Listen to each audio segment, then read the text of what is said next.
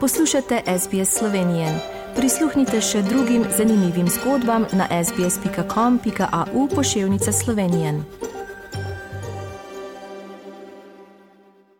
Pozdravljeni, ljubitelji športa. Še zadnjič se vam oglašam z novicami o slovenskem športnem dogajanju in o uspehih slovenskih športnikov, zaradi katerih je Slovenija po svetu postala prepoznavna kot izjemno uspešna država. Prav nič drugače ni bilo tudi v preteklih 14 dneh. Zadnje dejanje zime smo spremljali v Planici, kjer je bil tradicionalen zaključek svetovnega pokala v poletjih. Več kot 50 tisoč gledalcev si je od četrtka do nedelje ogledalo polete najboljših letalcev na svetu, sezona pa se je v nedeljo končala še zadnjo posamično tekmo, ki sta jo dobila letos najboljša slovenska smočarska skakalca. Timi Zajc je imel pred Anžetom Laniškom zgolj desetinko prednosti, kar pomeni, da sta bila praktično izenačena. Slovenski uspeh sta s četrtim in šestim mestom potrdila Domen Prevc in Žiga Jelar. Slovenci so v soboto osvojili še drugo mesto na ekipni tekmi.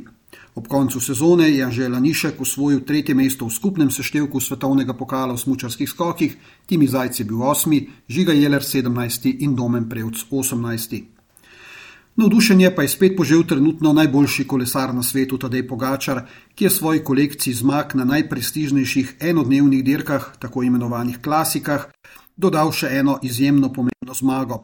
Samostojnim pobegom v zaključku dirke je deklasiral tekmece na dirki po Flandriji. Zmagami na štirih različnih enodnevnih dirkah je kolesar z največ klasiki med aktivnimi tekmovalci. Odmevalo je tudi dogajanje v košarkarski ligi NBA, kjer so končali redni del sezone.